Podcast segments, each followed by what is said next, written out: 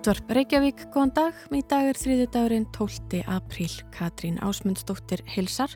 Þú ert að hlusta á frettatháttin Hádegið. Það koma alls konar tímamóti í lífinu, við finnum ástina og það kannski gengur ekki upp og við tekur einhleipu lífið, svo kannski nýr maki og ný tímamót, ólétta, brúðkaup, skýrt, fjölskylduferðir til tenni sem svo verða kannski að gólferðum til Flórida og Facebook, Instagram, Google, TikTok, samfélagsmiðlar og okkar stafræna líf verðist fylgja.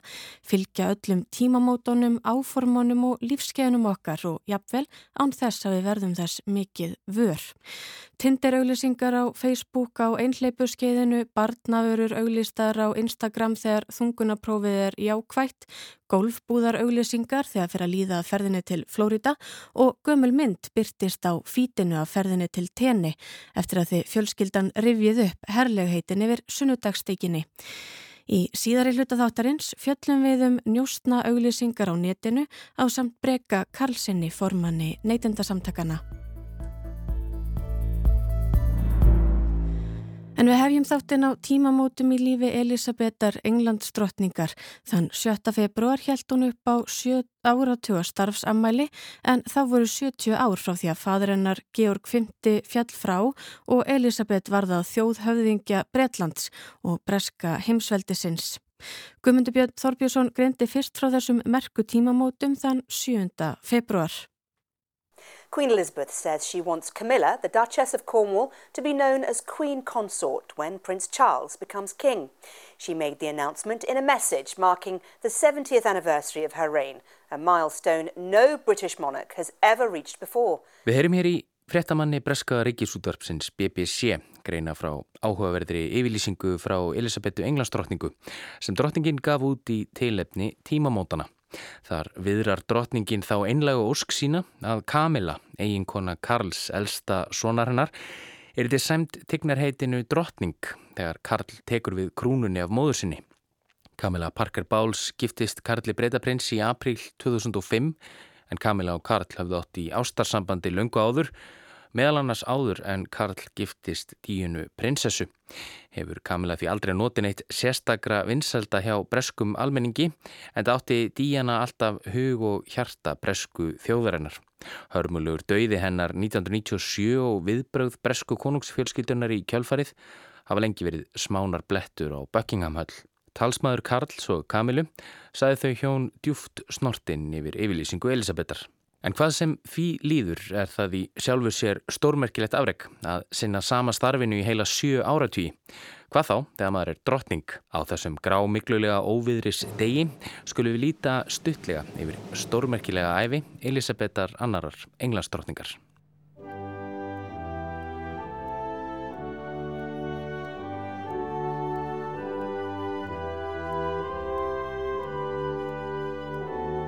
Elisabeth Alexandra Mary fættist hann 27. apríl árið 1926 í Mayfair í Lundunum þegar afi hennar, Georg V, var enn konungur.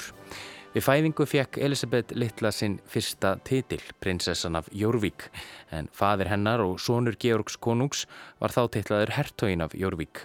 Hann var annar sonur Georgs og því annar í röð krúnuerfingja og því fátt sem benti til þess á þessum tímapunkti að Elisabeth litla ætti eftir að verða englandsdrótning en hún var samt sem áður svo þriðja í rauðinni á eftir föður sínum og játvarði, föður bróður. Árið 1936 fjall afi hennar breytakonungur frá og játvarður tók við krúnunni. En skjótt skipast veður í lofti, játvarður hafði lítinn áhuga því að verða konungur. Eða allavega var Ástin yfirsterkari þeirri löngun. Hann hafði nefnilega verið í sambandi við bandarísku leikonina Wallis Simpson og hugðist kvænast henni. En Wallis Simpson var tví fráskilinn og sangat venjum á kongafólk ekki giftast fráskildum. Játvarður sagði sig því frá konungstegn, giftist ástinni sinni og flutti til bandaríkjana. Í sæti hans á konungstóli settist yngri bróður hans Albert sem tók sér nafnið Georg Sjötti. Þegar þarnar komiðu sögur Elisabeth aðeins tíu ára gömul en veit þá þegar að einn daginn yrði hún drottning. Hún var 13 ára þegar síðari heimstyröldin hófst og árið 1940, þá 14 ára, flutti Elisabeth sitt fyrsta útvarpsávarp í Breska ríkisútvarpinu. Þar sem hún ávarpaði Bresk börn í sérstökum barnathætti, Children's Hour. Börnin höfðu verið sendið fóstur út í sveit vegna loftarósa þjóðverja og bles hún þeim von og kjark í brjóst. This is the BBC Home Service. Hello children everywhere. This is one of the most important days in the history of Children's Hour. Her Royal Highness, Princess Elizabeth. In wishing you all good evening, I feel that I am speaking to friends and companions who have shared with my sister and myself many a happy children's hour.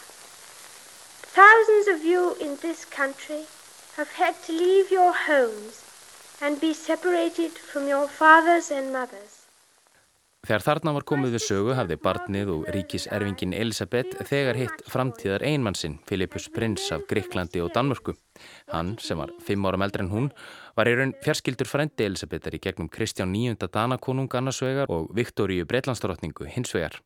Þau hittust fyrst 1934 og öðru sinni 1937 en árið 1939 segist Elisabeth hafa verið ástfóngin af Filipussi þá 13 ára. Þau hófuð að skrifast á og þegar hún var 21 ás var tilkynntum trúlofun þeirra tvekja, þann 9. júli 1947. Filipus og Elisabeth giftust í november sama ár og varði hjónabandið í heil 74 ár, eða alltaf til Filipus fjall frá í apríl á síðast ári. Þeim var þryggja barna auðið, Karl Bretaprins er elstur barna þeirra, fættur 1948, Anna fætt 1950, hinn umdeldi Andres fættur 1960 og loks Játvarður fættur 1964. Andres hefur mikið verið í umræðin að undanförnum vegna tengsla sinna við bandariska barnanýðingin og auðkífingin Jeffrey Epstein og sætir hann nú ákjæru fyrir að hafa nöðgað ólögur á það stúlku Virginia Jeffrey í gegnum minnfengi sitt við Epstein. Andres hefur sagt sig frá öllum skildum sínum við bresku krúnuna.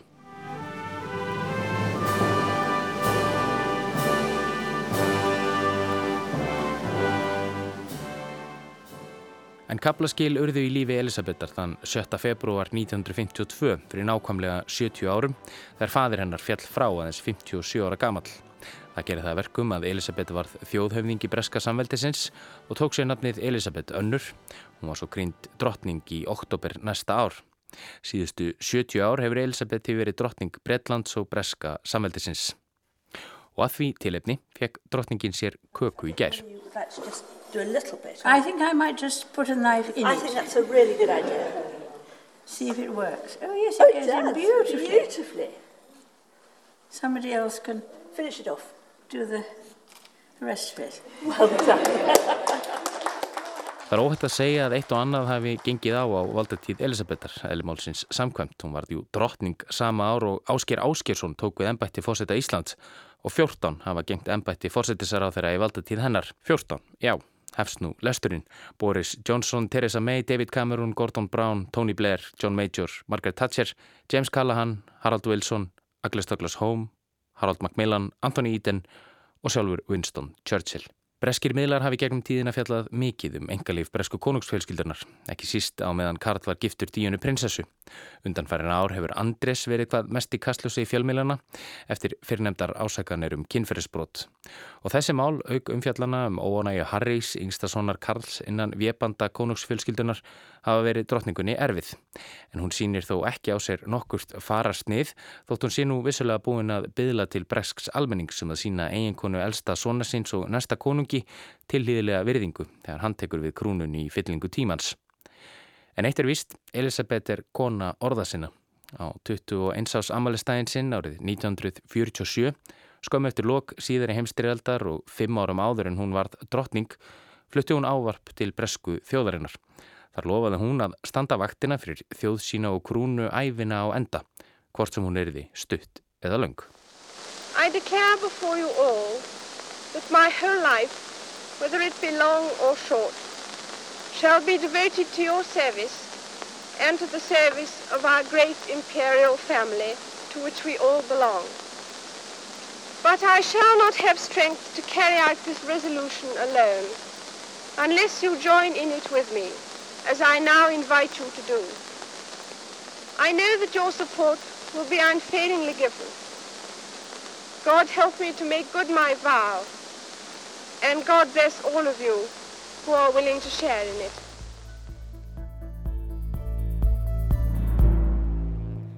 Sagt er að tölvan og snjálfsímin viti allt um þig.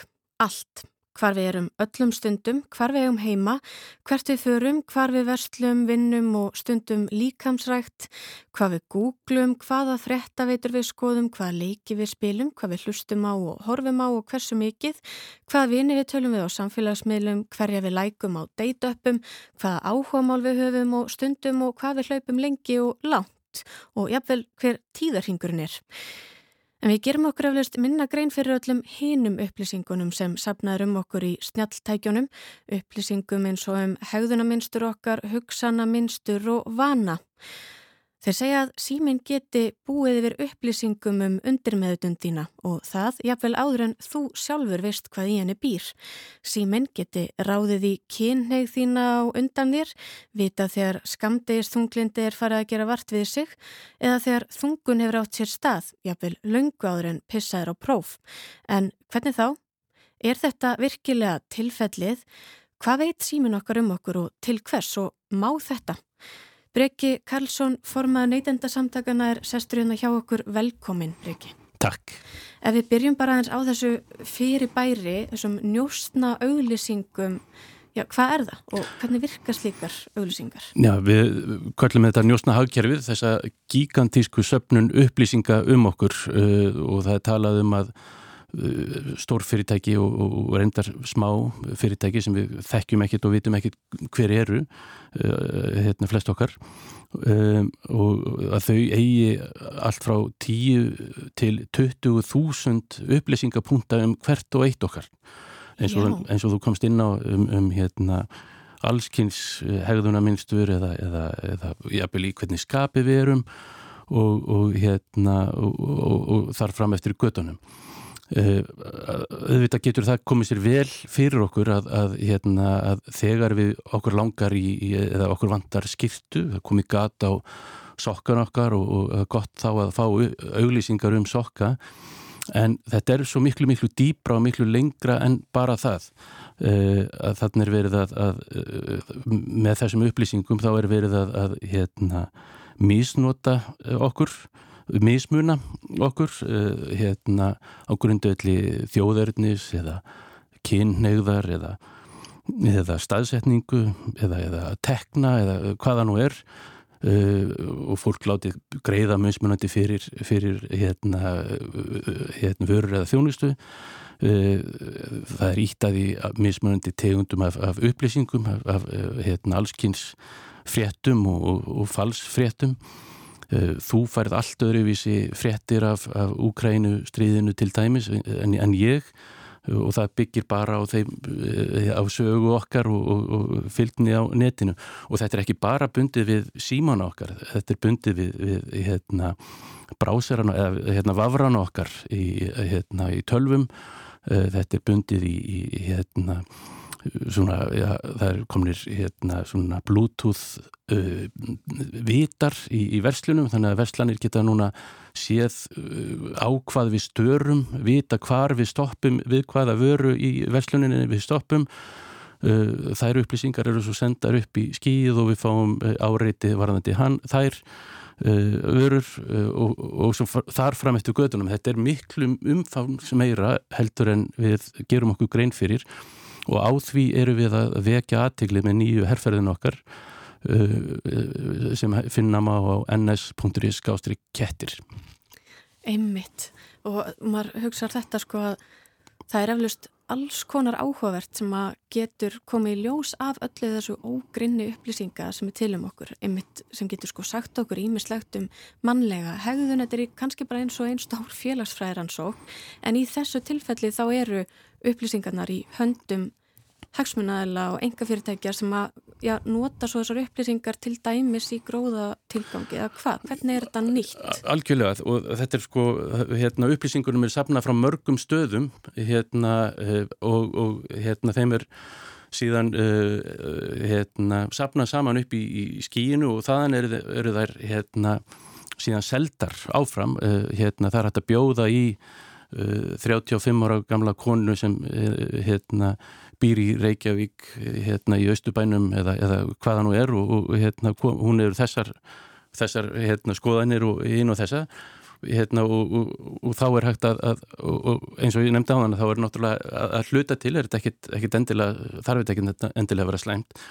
En með þessu fylgir öll, öll þessi sko, upplýsinga óriða hérna uh, og, og uh, það er líka hérna uh, hægt að, að sko íta að okkur vörum eða þjónustu eða, eða þegar við erum veikust fyrir að því að mm. sumir veita að aðgangað hérna, hjartslætti sínum í, í gegnum snjall úr og það er síðan, þær upplýsingar eru seldar áfram og, og hérna Það er alls konar svona tilraunir sem hafa verið gerðar líka af hérna, og, og, og frægar, frægdæmi um, um samfélagsmiðla sem hafa gert svona sálfræði tilraunir á nótendum sínum uh, hérna, með það frögum að, að, að manipulera, að ráskast með það og, hérna, og margt sem er hérna, áhugavert sem kemur, kemur þar í ljós til dæmis að, að hérna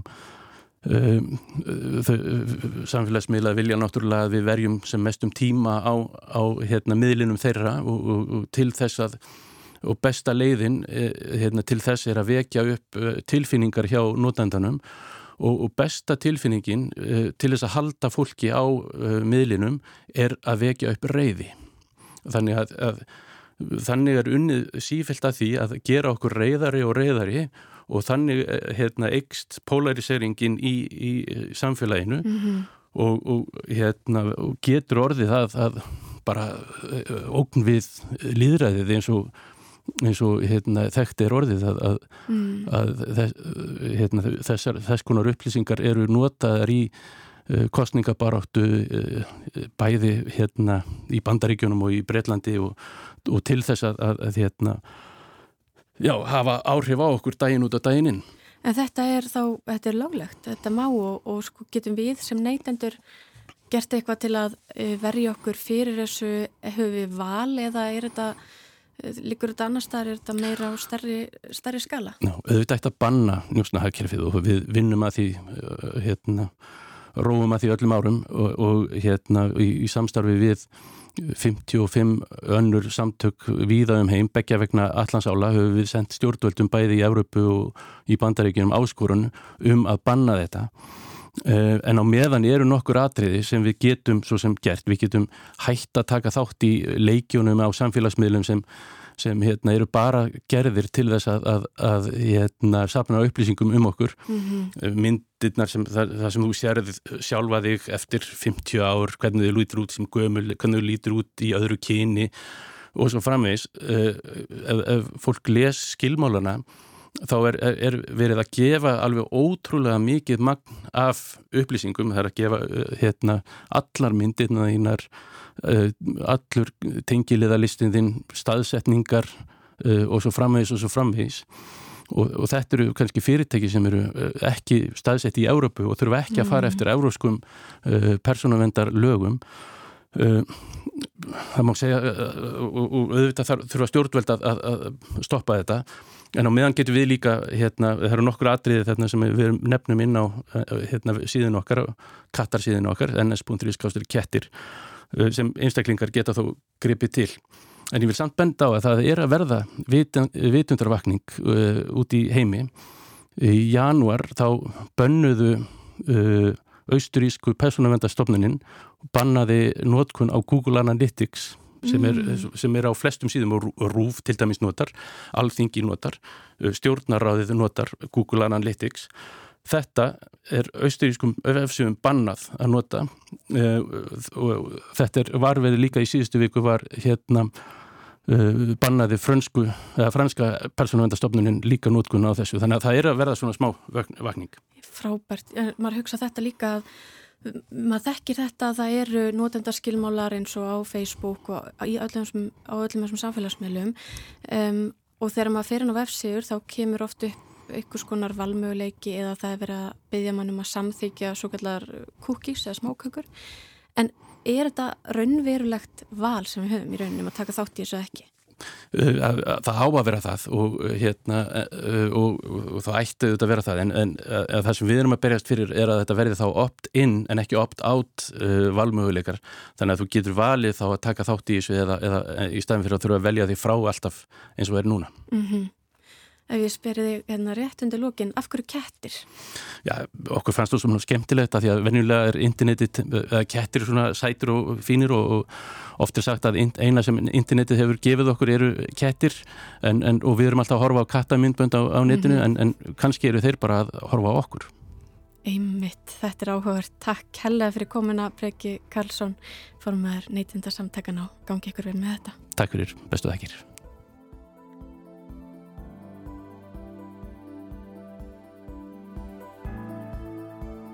Hádegið er þá á enda í dag, við verðum hér aftur á sama tíma á morgun. Þátturinn er einnig aðgengilegur í spilaranum og hlaðvarpsveitum og þá er þetta að senda okkur post með ábendingum á netfangið hádegið hjá rúf.is. Verðið sæl.